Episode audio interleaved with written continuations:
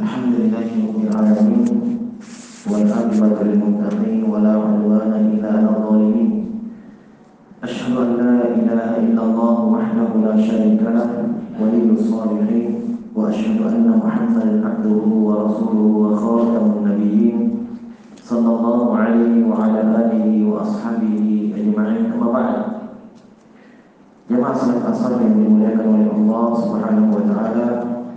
Segala puji hanya milik Allah Subhanahu wa taala.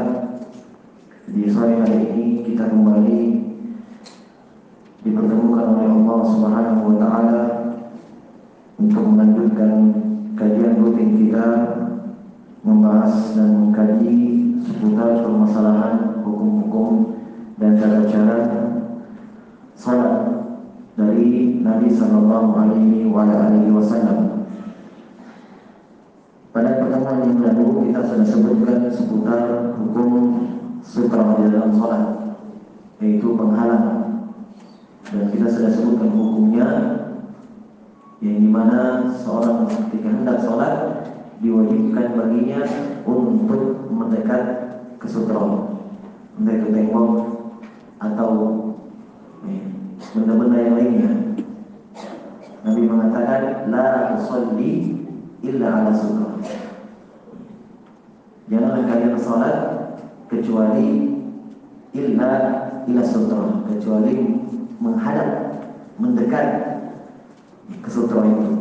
Sebagaimana dalam riwayat kata sahabat Nabi sallallahu alaihi wasallam itu kalau salat yataharra as-salata bil ustuwana. Nabi sallallahu alaihi wasallam itu kalau sholat selalu mencari tiang Selalu mencari tiang Untuk sholat ya. Menunjukkan bahwa beliau tidak pernah meninggalkan sutra itu. Hukum-hukum yang berkaitan dengan sutra kita sudah jelaskan. Sekarang kita berpindah ke pembahasan yang lain Pembahasan baru yaitu hukum dan permasalahan Atau seputar hukum takbir. Tentang takbir dan mengangkat tangan. Takbir di dalam sholat itu secara umum ada dua. Takbir di dalam sholat ada dua. Yang satu kita sudah bahas. Takbir, takbir, takbir atau ihram, takbir pembukaan. Ya, Allahu Akbar, ini takbir. Dan kita sudah sebutkan hukumnya.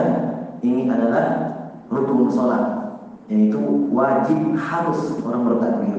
Sebagaimana dalam hadis Nabi katakan, miftahus salati takbir, ya, miftahus salati at-taharah, miftahus salati takbir, tahliluha, tahliluha takbir, wa tahliluha taslim. Kunci dari salat adalah suci, wudu, penghalalannya adalah takbir, pengharamannya adalah takbir, penghalalannya adalah salam. Kata Nabi SAW, salat itu pengharamannya adalah takbir. Maksudnya apa? Kalau sudah takbir Allah Akbar, haram yang lainnya. Tidak boleh lagi balikan kiri, haram lagi makan, tidak boleh lagi minum. Ya, itu maksudnya. Pengharamannya adalah takbir. Dan penghalalannya adalah salam. Maksudnya apa? Kalau sudah salam, ya boleh bicara. Boleh, mau minum silahkan. Nah, ini menunjukkan bahwa takbir dalam salat adalah hukumnya sama dengan salam. Inti di dalam salat harus dilakukan. Takbir pembukaan. Ini yang pertama. Yang kedua ada takbir al-intiqal, takbir perpindahan. Allahu akbar. Sami Allah liman hamidah. Allahu akbar. Ya, takbir juga. Ini namanya takbir al-intiqal, takbir perpindahan. Nah, kalau ini yang kedua ini hukumnya kebanyakan ulama fikih mengatakan hukumnya sunnah, disyariatkan, disunnahkan. Takbir perpindahan, takbir perpindahan. Dan takbir al takbir uh, takbiratul ihram sini takbiratul ihram sahabat mengatakan karena sallallahu alaihi wasallam yastaqbilu as-salata biqoulihi Allahu akbar. Kata sahabat, kami melihat Nabi Shallallahu Alaihi Wasallam memulai salatnya dengan Allahu Akbar dengan takbir. Ya. Nabi sampai mengatakan inna la tatimmu salatu li ahadin minan nasi hatta yatawadda. Ya. Semua yaqul Allahu Akbar. Nabi katakan tidak sah salat seseorang sampai dia berwudu dan dia mengatakan Allahu Akbar. Perhatikan, nah, sampai katakan tidak sah salatnya kalau dia takbir. Ini menunjukkan takbir. Takbiratul ihram ini hukumnya hukum eh, hukumnya hukum salat wajib dilakukan. Wajib dilakukan. Ya. Dan Nabi Shallallahu Alaihi Wasallam itu ketika bertakbir itu mengeraskan suaranya. Kenapa? Karena beliau imam ya karena beliau imam maka sahabat mendengarkan takbir beliau dari belakang. Sebagaimana ucapan sahabat, karena yarfa'u sautahu bitakbir hatta yusmi'a min khalfi. Yusmi'a man khalfahu.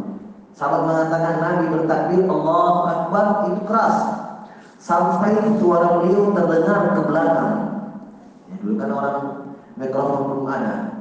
Ya. Sampai Nabi kalau sakit itu sahabat yang mengeraskan takbirnya agar didengarkan oleh makmum di belakang. Ya.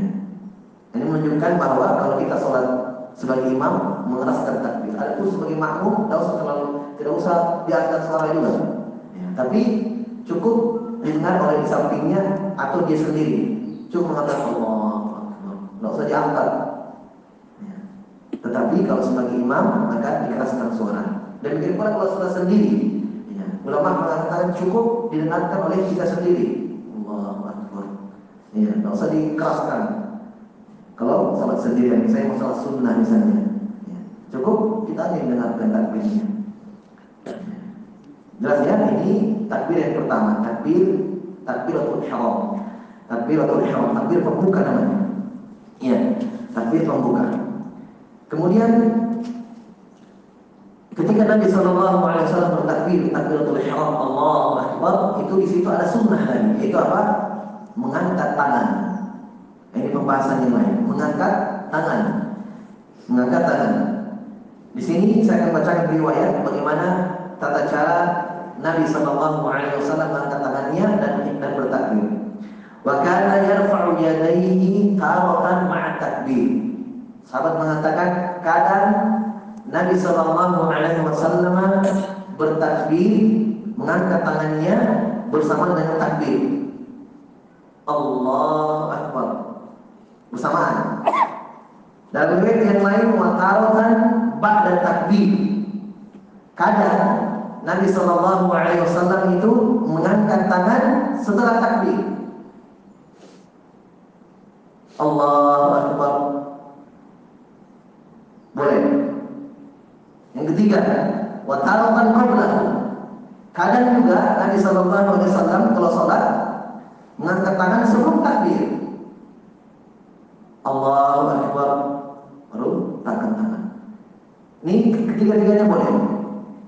Ketiga-tiganya boleh. Semua sah dari perbuatan Nabi kita Muhammad sallallahu alaihi wasallam. Perhatikan jamaah sekalian bahwa di dalam ibadah itu Nabi Shallallahu Alaihi Wasallam itu sering melaksanakannya ala sabil tanawwu. Kadang ini, kadang itu. Ya. Ini hikmahnya banyak. Hikmahnya banyak. Yang pertama agar kita tidak bosan. Jadi kalau kita mungkin kebanyakannya pasti bersamaan saja Allah Akbar, iya kan?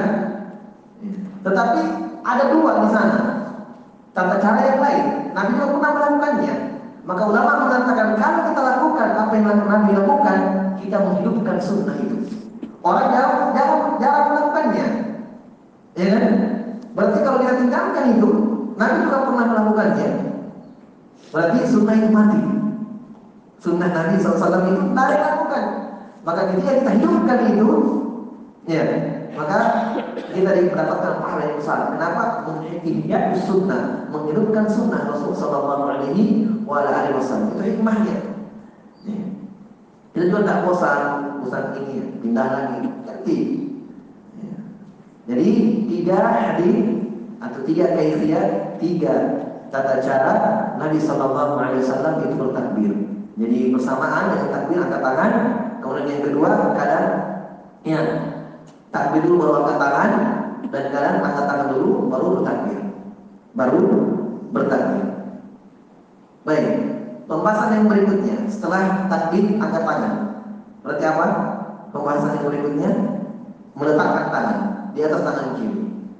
Jelas ya? Meletakkan tangan kanan di atas tangan kiri. Bagaimana bentuk kefiat cara Rasul Sallallahu Alaihi Wasallam meletakkan tangan kanannya di atas tangan kirinya. Kita akan baca hadisnya. Di dalam hadis sahabat mungkin wa kana sallallahu alaihi wasallam yad'u yadahu yumna 'ala al-yusra. Adalah Nabi sallallahu alaihi wasallam meletakkan tangan kanannya di atas tangan kirinya. Hadis ini menunjukkan bahwa ini adalah syariat Nabi Shallallahu Alaihi Wasallam. Jadi sholat bukan Allah. Walaupun kita sering melihat ada orang yang seperti ini, ini meninggalkan sunnah. Bahkan pendapat ulama fikih yang, yang terkuat meletakkan tangan kanan di atas kiri hukumnya wajib. Kenapa? Nabi Wasallam perintahkan. Sebagaimana dalam hadis Nabi mengatakan Inna ma'syarul anbiya umirna bita'dili fitrina wa takhiri suhurina wa an nad'a aymanana ala syamadilina fi shalah. Nabi SAW bersabda, kami para nabi itu diperintah oleh Allah Subhanahu wa taala. Perhatikan, kami diperintah oleh Allah Subhanahu wa taala untuk apa? Bita'dili fitrina, mempersegerakan buka puasa. Ya, maksudnya kalau buka puasa itu buka cepat. Ya, ketika masuk waktu buka, langsung buka. Ya, jangan tunda-tunda waktu buka. Disunahkan, diperintahkan untuk mempersegera buka puasa. Sebagaimana perbuatan Rasul SAW dan para sahabatnya. Mempersegera buka puasa. Dan yang kedua mengakhirkan sahur. Mengakhirkan sahur. Eh, jadi sahur itu diakhirkan. Sampai sahabat mengatakan kami makan sahur bersama Nabi SAW jarak makan sahur kami dengan Nabi SAW dengan azan subuh, subuh itu cuma qadar khamsina ayat. Cuma sekadar 50 ayat baca Quran. Sedikit Iya, paling 20 sampai 25 menit baru azan subuh. Masuk waktu subuh. Nah, ini disunah mengakhirkan. Semakin akhir semakin afdol. Kita lain. Iya, sahurnya bukan sahur, makan malam. Jam 2 sahur, jam 3 sahur. Azannya masih lama. Iya. Habis sahur tidur, lewat sholat subuh. Iya, lewat sholat subuh. Ya, itu bukan sahur ya, makan malam. Ya, jadi sunahkan untuk melakukan sahur. Kemudian Allah merintahkan kami juga untuk meletakkan tangan kanan kami di atas tangan kiri kami ketika sholat. Ingat ya bahwa para nabi itu sholat juga. Nabi Musa sholat, Nabi Isa sholat. Tapi cara sholat berbeda dengan kita. Kenapa? Dalam Al-Quran kata Allah kepada Nabi Musa, wa aqimis sholata dzikri Dirikan, dirikanlah sholat wahai Musa untuk mengingat saya.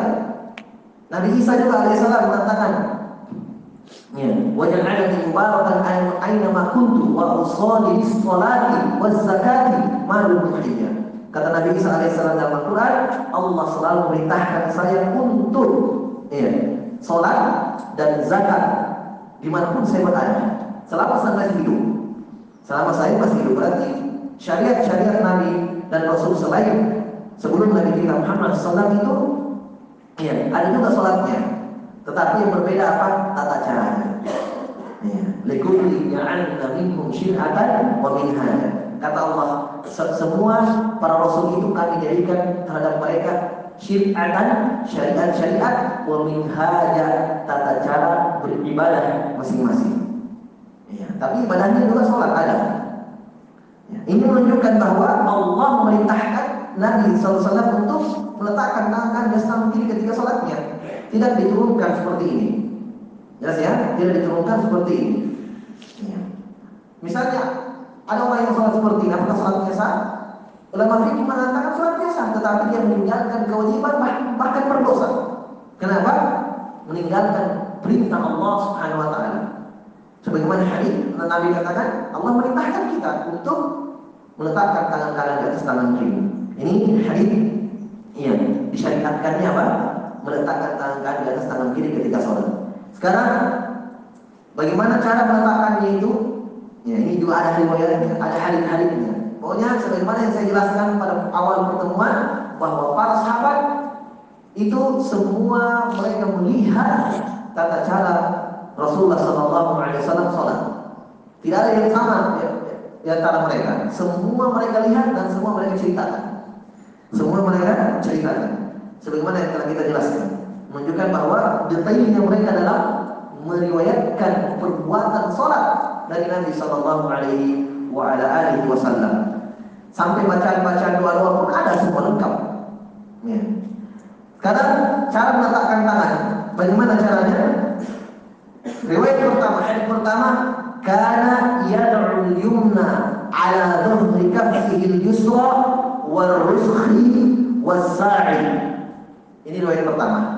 Adalah Nabi Shallallahu Alaihi Wasallam meletakkan telapak tangan kanannya di atas punggung telapak kirinya.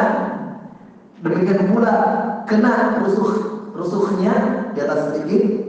Kemudian kena sa'i. Sa'i itu di atas pergelangan sedikit. Bagaimana maksudnya?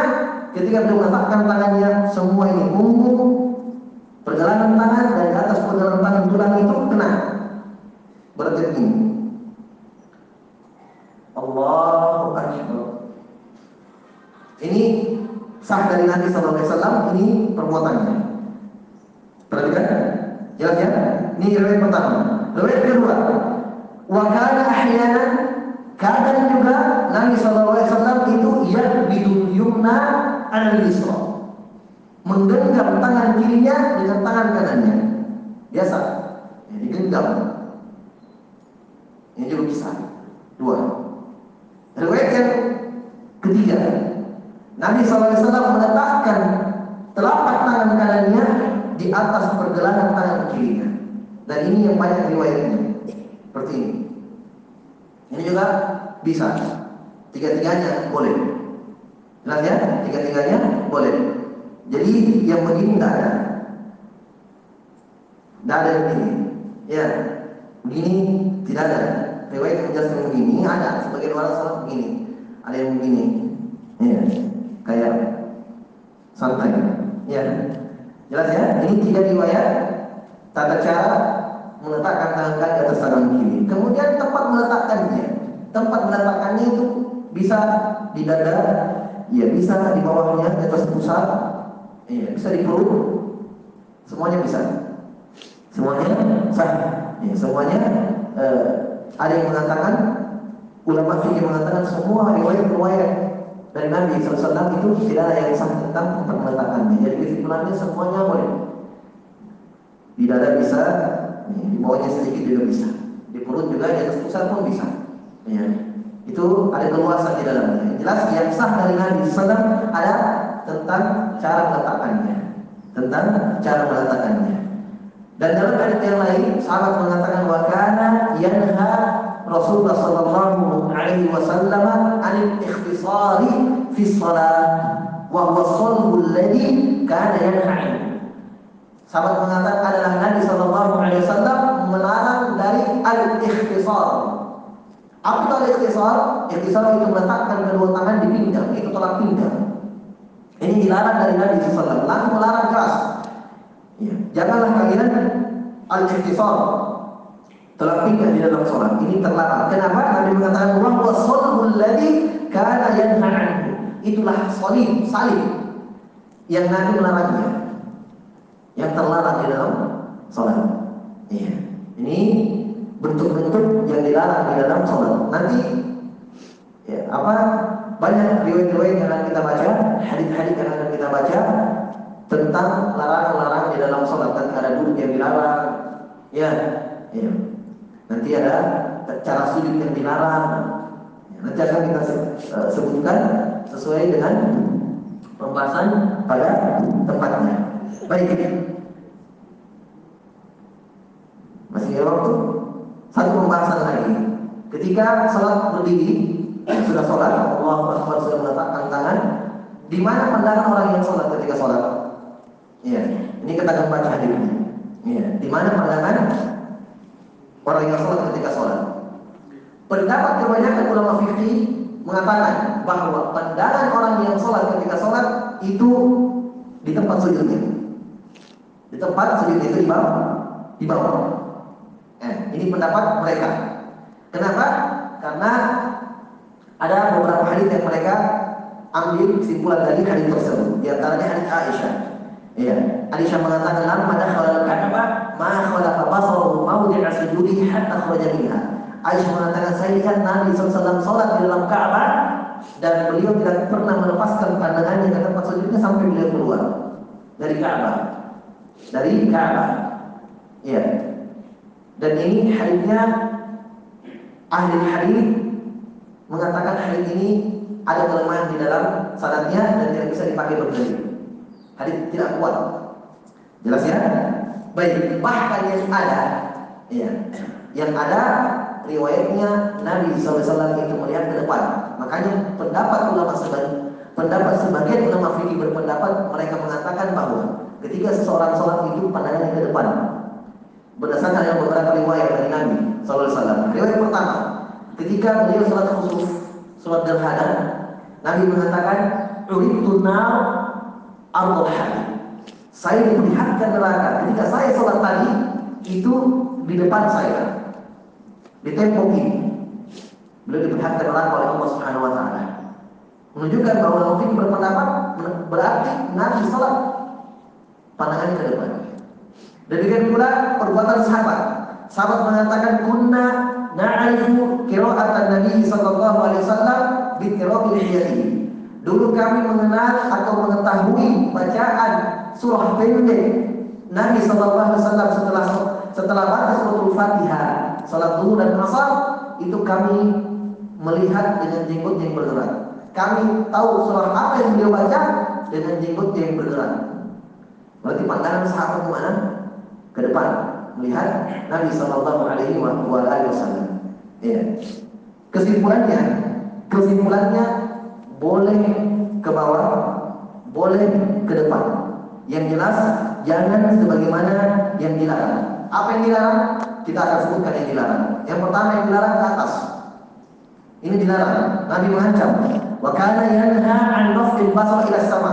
Nabi mengancam dengan keras orang yang mengangkat pandangannya ke langit ketika sholat. Nabi mengatakan, la yantahiyanna aqwamun yarfa'una absarahum ila sama'i fi sholat. Hendaknya mereka menghentikan pandangan mereka ke atas, berhenti. Kalau tidak, Allah tarji'u ilaihim atau mata mereka tidak kembali. Hadisnya Muslim, sahih, ya dalam sahih Bukhari dan Muslim. Ini ngeri. Nabi doakan kejelekan bagi orang yang sholat ke atas. Nabi doakan matanya tidak kembali. Bahaya ini. Ya. Didoakan oleh Nabi SAW. Berhenti. Ini ancaman. Ini yang dilarang. Yang kedua, dilarang apa? Menoleh kanan dan kiri. Dalam hadis Nabi mengatakan, "Fa sallaitu fala taltafitu." Kalau kalian sholat, jangan kalian menoleh kanan atau kiri. Dilarang. Ya. Jelas ya? Berarti dari sini kita melihat bahwa yang dilarang adalah ke atas, balik kanan dan kiri. Berarti kalau sholat, Pak, ke depan bisa, ke bawah boleh juga. Ini kesimpulannya. Saya Ustaz mungkin ke bawah saya lebih khusyuk.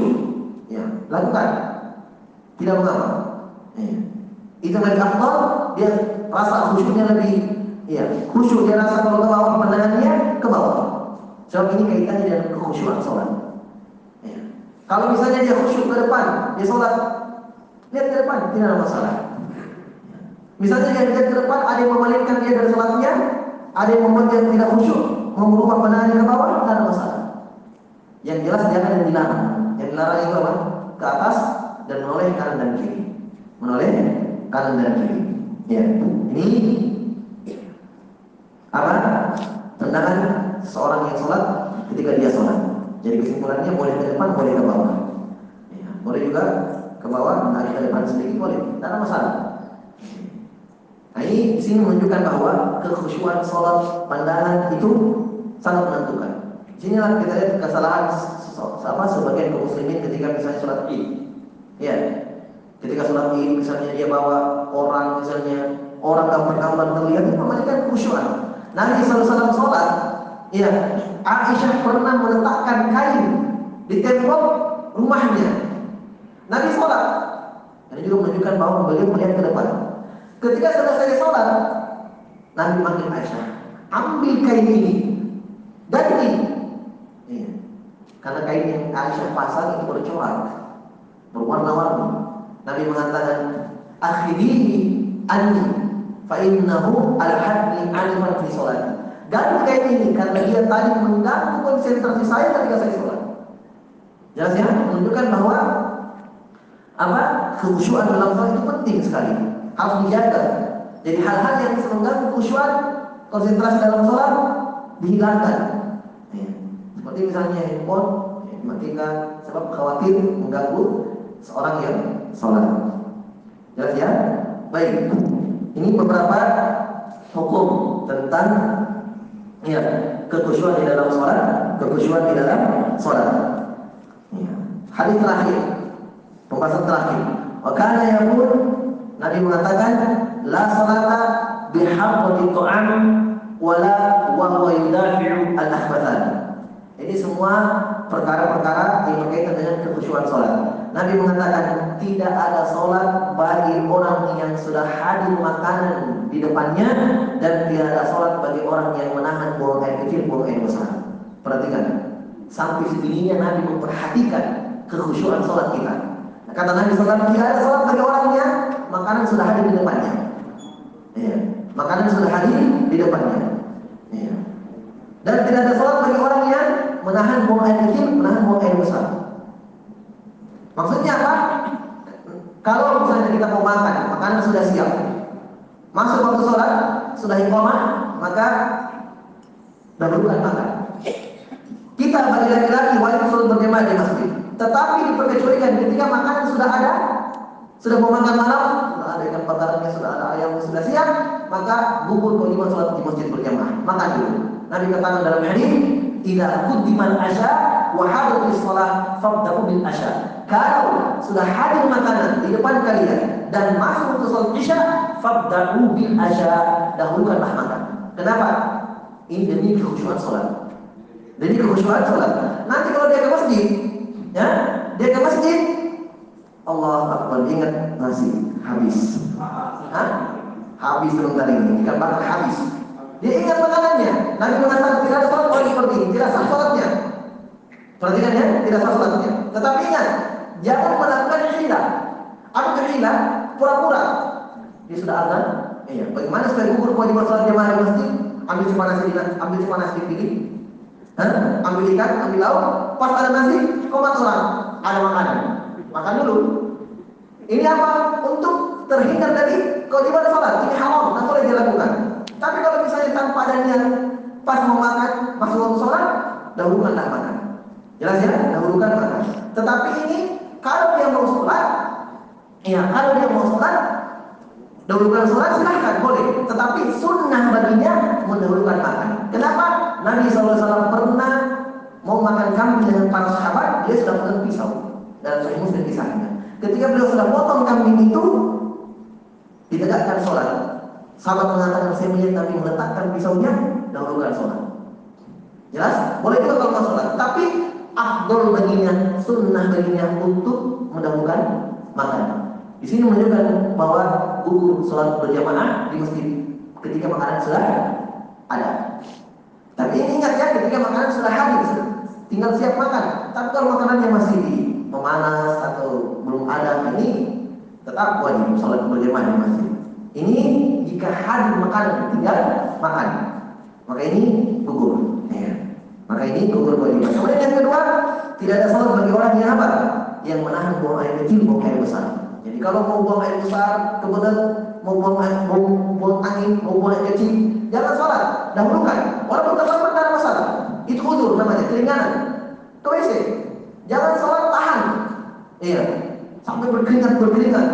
Hah? Habis salat baru ke WC. Jangan. Ini Nabi mengatakan tidak ada sholat baginya. Bahkan ulama fikih berpendapat orang yang seperti ini sholatnya tidak sah. Pasti nggak khusyuk. Pasti di dalam ini imam lama sekali imamnya. Iya. Jelas ya? Ini dahulukan dulu buang air. Tapi bagaimana Ustaz kalau misalnya di pertengahan sholat tidak ada perasaan seperti itu. Tiba-tiba ada kayak angin keluar. Ditahan, hilang. Kalau tidak apa-apa. Jelas ya? Kalau tidak saya kadang sering. Di dalam sholat tidak ada perasaan apa-apa. Di pertengahan sholat, Allah Akbar. Angkat kedua, naik lagi ketiga. Tiba-tiba mau buang angin. Ditahan sedikit, hilang. Ya, kalau tidak apa-apa. Ya, jelas ya? Kalau tidak apa-apa. Tapi kalau bisa keluar, nah, batal sholatnya. Pergi berwudu, lagi sholatnya. Jelas ya? Baik, ini beberapa hukum berkaitan dengan sholat. Mungkin kita coba dulu, insyaallah taala kita lanjutkan pada pertemuan selanjutnya. Iya, silahkan. Kalau ada pertanyaan, dipersilahkan dengan hormat. Assalamualaikum warahmatullahi wabarakatuh. Waalaikumsalam. Uh, tadi bahwa uh, awalnya itu adalah 30 gram, Ya.